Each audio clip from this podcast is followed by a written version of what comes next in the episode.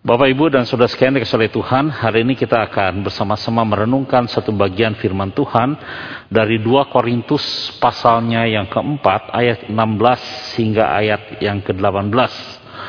Tema yang akan kita renungkan bersama-sama hari ini adalah mengingat kemuliaan kekal kita. 2 Korintus pasal yang keempat ayat 16 hingga ayatnya yang ke-18. Surat Paulus kepada jemaat Korintus yang kedua, 2 Korintus, pasalnya yang keempat, ayat 16 hingga 18. Bila sudah menemukan, saya akan membacakan bagian ini untuk kita semua. 2 Korintus pasal 4 ayat 16 hingga 18 berbunyi demikian. Sebab itu kami tidak tawar hati. Tetapi meskipun manusia lahiriah kami semakin merosot,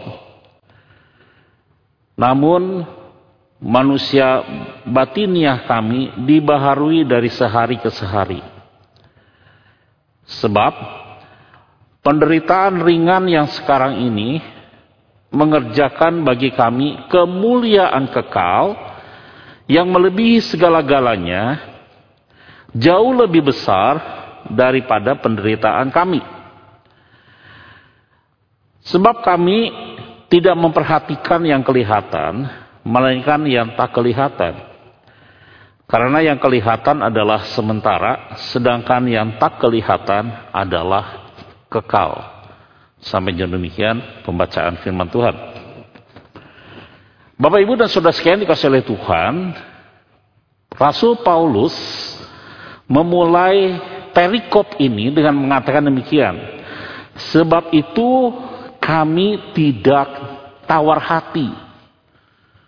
Tawar hati terjemahan lain atau bisa terjemahkan sebagai kehilangan hati, kehilangan semangat, kehilangan api di dalam diri, sehingga biasanya orang yang mengalami tawar hati, biasanya orang itu akan berhenti kalau dia sedang bertanding, dia sudah tawar hati, maka dia akan berhenti bertanding, atau dia memilih mundur keluar dari arena pertandingan.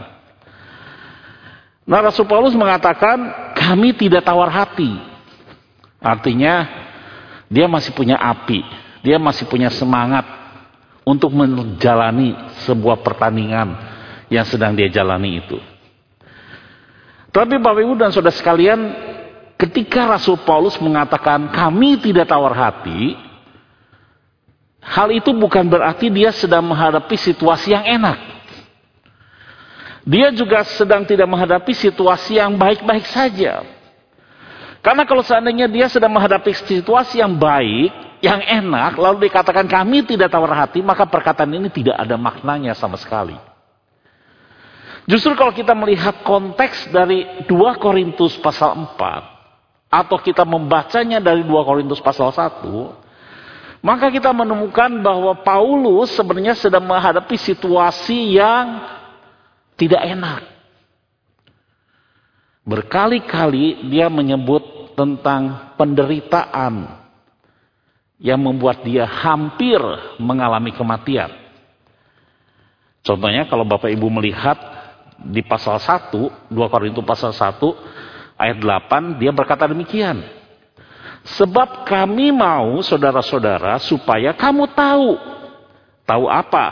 Tahu akan penderitaan yang kami alami di Asia kecil Lalu dia katakan demikian.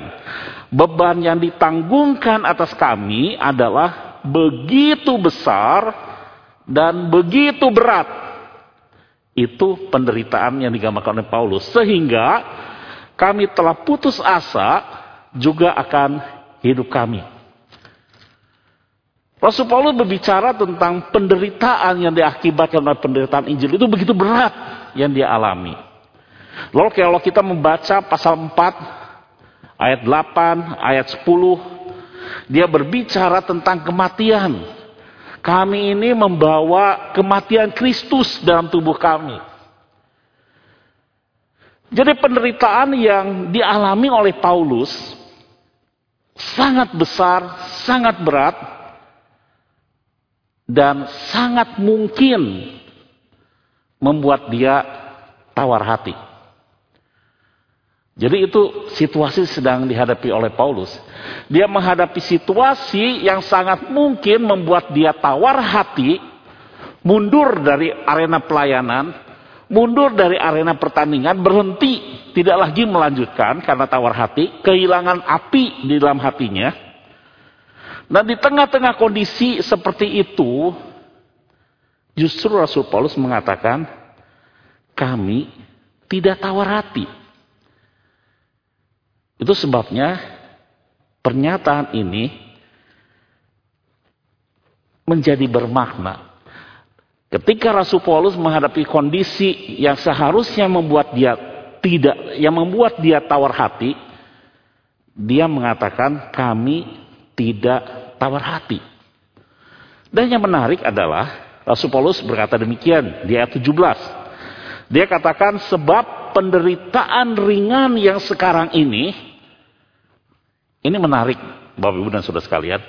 Karena tadi kita membaca di ayat 1, pasal 1 ayat 8, dia mengatakan bahwa penderitaan yang dialami itu berat, besar dan berat.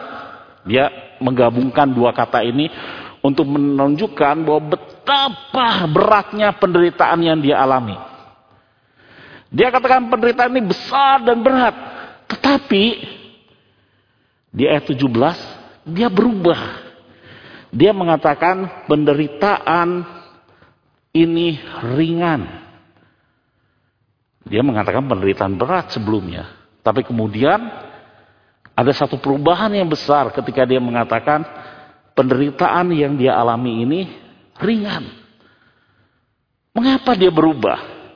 Apa yang dia membuat dia berubah? Bapak Ibu dan Saudara sekalian kesoleh Tuhan, ayat 17 memberikan penjelasan kepada kita. Penderitaan ini ringan karena penderitaan yang dia alami ini mengerjakan atau menghasilkan kemuliaan kekal yang melebihi segala-galanya jauh lebih besar daripada penderitaan kami. Jadi Rasul Paulus menyadari bahwa apa yang sedang dia lakukan, pemberitaan Injil yang membuatnya menderita ini, menghasilkan kemuliaan besar, di mana kemuliaan besar itu lebih atau melebihi segala-galanya, termasuk penderitaan ini. Jadi di sini Rasul Paulus sedang membandingkan antara kemuliaan kekal yang nanti dia akan terima di dalam kekekalan dengan penderitaannya, maka setelah dia bandingkan itu, dia menemukan bahwa penderitaan yang berat ini menjadi ringan jikalau dibandingkan dengan penderita, eh, kemuliaan yang kekal itu. Bapak Ibu dan Saudara sekalian, bukan sekali Rasul Paulus di dalam Alkitab membandingkan sesuatu dengan yang lebih besar. Kalau kita membaca Filipi pasal yang ketiga, dia membandingkan kemuliaan dirinya sebagai orang Yahudi, sebagai orang Farisi, sebagai penganiaya jemaat, kemuliaan dirinya, dia bandingkan dengan pengenalan akan Kristus, maka dia katakan demikian. Setelah membandingkan dengan pengenalan akan Kristus, maka kemuliaan dirinya itu seperti sampah. Tidak ada apa-apanya.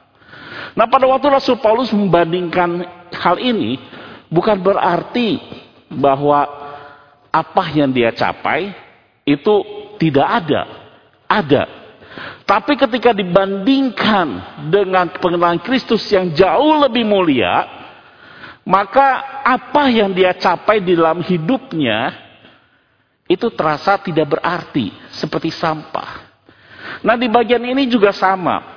Rasul Paulus bukan sedang meniadakan atau tidak menganggap atau menghilangkan, menghapus penderitaan yang besar. Dia tahu dia sedang menghadapi penderitaan yang besar. Dia tahu penderitaan itu ada. Tetapi pada waktu penderitaan itu dibandingkan dengan kemuliaan kekal, maka dia menemukan bahwa penderitaan yang besar ini tidak ada apa-apanya. Karena kemuliaan yang kekal itu ternyata jauh lebih besar dibanding dengan penderitaan yang sedang dialami. Sama seperti ini, Bapak Ibu dan Saudara sekalian. Kalau kita misalnya pergi hiking, e, mendaki gunung, begitu ya, entah ke mana lah. Lalu kita, tujuan kita itu uh, untuk melihat alam, gitu kan? Atau misalnya uh, pergi ke Bromo, misalnya seperti itu, untuk melihat uh, matahari terbit. Maka kita harus berjalan subuh-subuh, gitu kan? Melewati jalan yang sulit, berat sekali. Tapi ketika kita sampai di puncak dan menikmati keindahan alam, kita merasa bahwa kesulitan yang kita lewati di dalam perjalanan menuju puncak itu, itu seperti tidak terasa, kalah dengan keindahan alam. Nah Bapak Ibu dan Saudara saya kurang lebih seperti itu. Paulus tahu di dalam perjalanannya, perjalanan itu berat. Dan bisa membuat tawar hati. Tetapi ketika dia memandang kemuliaan yang kekal yang akan dia terima kelak, dia merasa bahwa apa yang dia alami saat ini itu serasa tidak berarti, serasa ringan. Dan itu yang membuat dia tidak tawar hati. Sehingga di ayat 16 dia mengatakan demikian. Meskipun manusia lahiriah kami semakin merosot, manusia lahiriah semakin merosot, bisa diterjemahkan, diartikan kondisi yang semakin tua. Tetapi kalau sebenarnya melihat konteks ini, ini bicara tentang penderitaan yang dialami yang membuat fisiknya semakin merosot. Ada rasa sakit yang diterima sehingga fisiknya, manusia lahiriahnya semakin merosot. Tapi dia katakan demikian, manusia batiniah kami diperbaharui dari sehari ke sehari. Dia menderita, ya. Dia susah, ya. Manusia larinya semakin merosot, ya. Tapi karena ada kemuliaan kekal, harapan kemuliaan kekal, itu membuat batiniahnya diperbaharui dan dia tidak membuat dia akhirnya menjadi orang yang tawar hati. Nah Bapak Ibu dan Saudara sekalian, ini yang menarik yang disampaikan oleh Rasul Paulus kepada kita ternyata harapan tentang kemuliaan kekal yang akan diterimanya kelak itu membuat dia berani lagi untuk maju, membuat dia kembali punya semangat melewati pelayanannya yang sangat-sangat sulit dan mendatangkan penderitaan. Nah, kemudian dia menutup di ayat 18. Dia katakan demikian. Dia menutup ini sekaligus mengajak kita untuk melakukan hal yang sama. Ayat 18. Sebab kami tidak memperhatikan yang kelihatan, melainkan yang tak kelihatan. Karena yang kelihatan adalah sementara, sedangkan yang tak kelihatan adalah kekal. Ini adalah kuncinya yang dilakukan oleh Rasul Paulus. Rasul Paulus di dalam penderitaannya dia tidak tawar hati, dia tetap punya punya harapan kepada kemuliaan yang kekal. Dan apa yang dia lakukan untuk memelihara pengharapan itu? Dia katakan, kami tidak memperhatikan yang kelihatan, tapi kami memperhatikan yang tak kelihatan. Dia memperhatikan secara khusus kepada kemuliaan kekal itu. Nah kata memperhatikan itu seperti ini Bapak Ibu sekalian. Hari ini kalau kita uh, berada di tempat ini, maka kita punya pandangan yang luas. Kita bisa melihat ke uh, sebelah sini, kita bisa melihat ke sebelah sini. Pandangan kita itu punya skup yang luas, mata kita. Tapi ketika kita memperhatikan, maka skup kita yang luas ini kita persempit. Sehingga kita fokus kepada satu titik. Itu memperhatikan. Misalnya seperti ini. Kalau saya pergi ke gereja, lalu saya mencari misalnya Pak Glenn, gitu kan. Pak Glenn hari ini pakai batik warna merah. Maka saya akan fokuskan pandangan saya kepada itu. Saya akan mencari paglen yang sedang pakai batik warna merah. Sehingga kalau saya masuk ke gereja dan kita anggap saja gereja ini sudah banyak orang, maka kalau di gereja ini ada banyak orang pakai batik, tapi warnanya bukan merah, saya akan tidak terlalu pedulikan. Oh ini batiknya bukan merah, pasti bukan paglen. Oh ini warna biru, pasti bukan paglen. Oh ini warna hijau, pasti bukan paglen. Nah ketika saya menemukan sosok yang pakai batik warna merah, maka saya mulai memperhatikan, ah ini kayaknya paglen. Itu memperhatikan, mempersempit sekup kita yang luas kepada satu titik. Nah Rasul Paulus mengatakan demikian. Kami memperhatikan, merubah skupnya yang begitu luas ini kepada satu titik, yaitu kemuliaan kekal.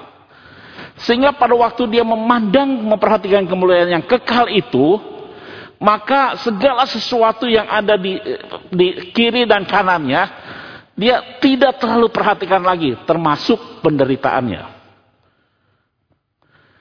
Jadi dia meng, me, tidak mempedulikan penderitaan, dia tahan kuat menerima penderitaan. Kenapa? Dia hanya memandang kepada satu titik, yaitu kemuliaan kekal yang akan dia terima. Nah itulah caranya, mengapa hanya Rasul Paulus tidak tawar hati di tengah kesulitan yang sangat besar. Nah, Bapak Ibu dan Saudara sekalian kasih oleh Tuhan, hari ini di masa Len, tema kita adalah mengingat kemuliaan kekal kita. Kita sebentar lagi akan masuk untuk merenungkan kasih Allah di Jumat Agung dan kemenangan Allah di Paskah. Ketika kita memperhatikan salib Tuhan, kita perlu ingat ini, bahwa salib Tuhan itu mengerjakan kemuliaan kekal buat diri kita. Atau kemuliaan kekal itu adalah hasil karya Tuhan di atas kayu salib. Tuhan rela menderita, Tuhan rela mati di atas kayu salib, supaya kita menerima kemuliaan kekal kelak di dalam kerajaan sorga. Dan apa yang Tuhan kerjakan itu bukan hal yang murah. Tetapi hal yang mahal. Dia korbankan dirinya supaya kita menerima kemuliaan kekal itu. Jadi kemuliaan kekal kita itu adalah kemuliaan yang sangat-sangat berharga buat diri kita. Nah, Bapak Ibu sekalian dikasih oleh Tuhan, di masa lain ini, kita diajak mulai memfokuskan diri, melihat salib, dan melihat apa yang ada di balik salib itu. Melalui salib ternyata kita punya harapan, yaitu kemuliaan kekal. Nah ketika kita mulai memfokuskan pandangan, memperhatikan kemuliaan kekal itu, mengingat kemuliaan kekal itu, maka seharusnya pada waktu kita melewati kesulitan di dalam hidup ini, atau ketika kita melewati tantangan-tantangan iman kita di dalam kehidupan ini, maka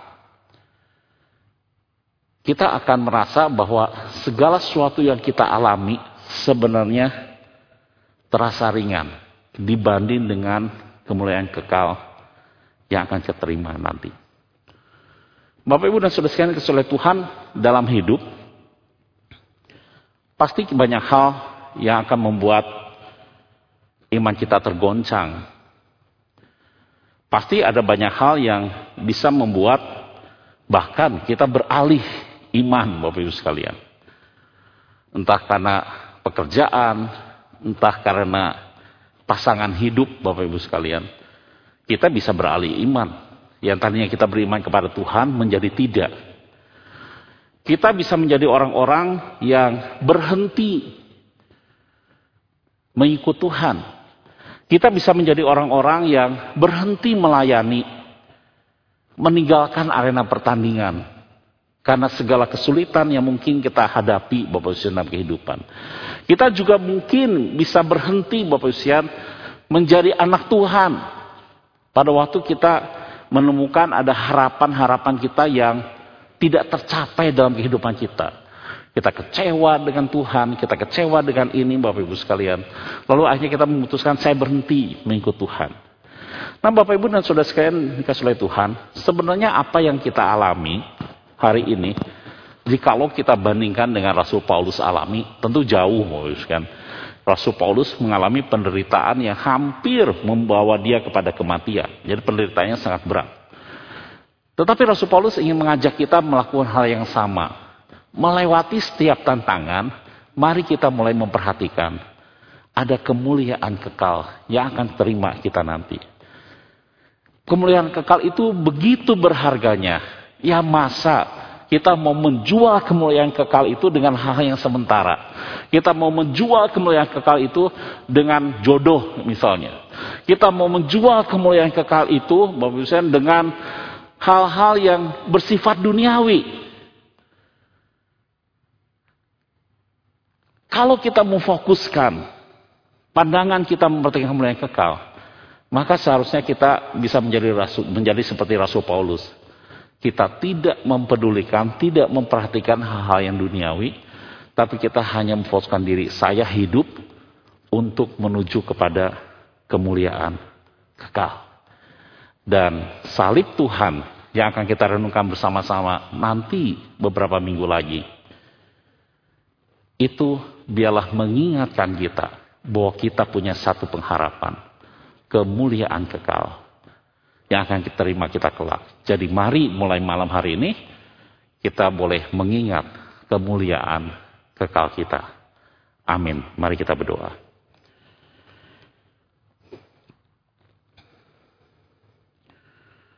Tuhan, kami bersyukur untuk karya Tuhan di atas kayu salib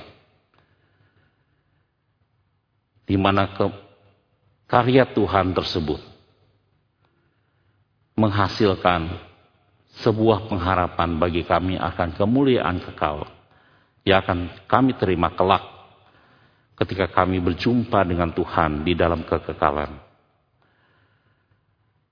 Dan biarlah di dalam kehidupan kami, kami boleh belajar untuk selalu memandang kepada kemuliaan kekal itu, supaya Ketika kami melewati kesulitan dalam hidup, tantangan iman, godaan untuk berhenti, godaan untuk mundur dari arena pertandingan, itu tidak jadi kami lakukan.